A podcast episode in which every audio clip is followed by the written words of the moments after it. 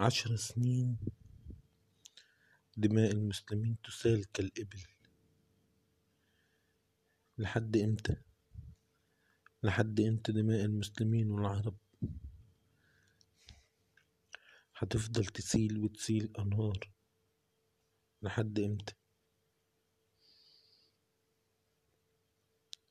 تخاذلت الأمة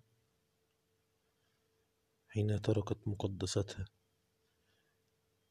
للوب الصهيوني الدولي.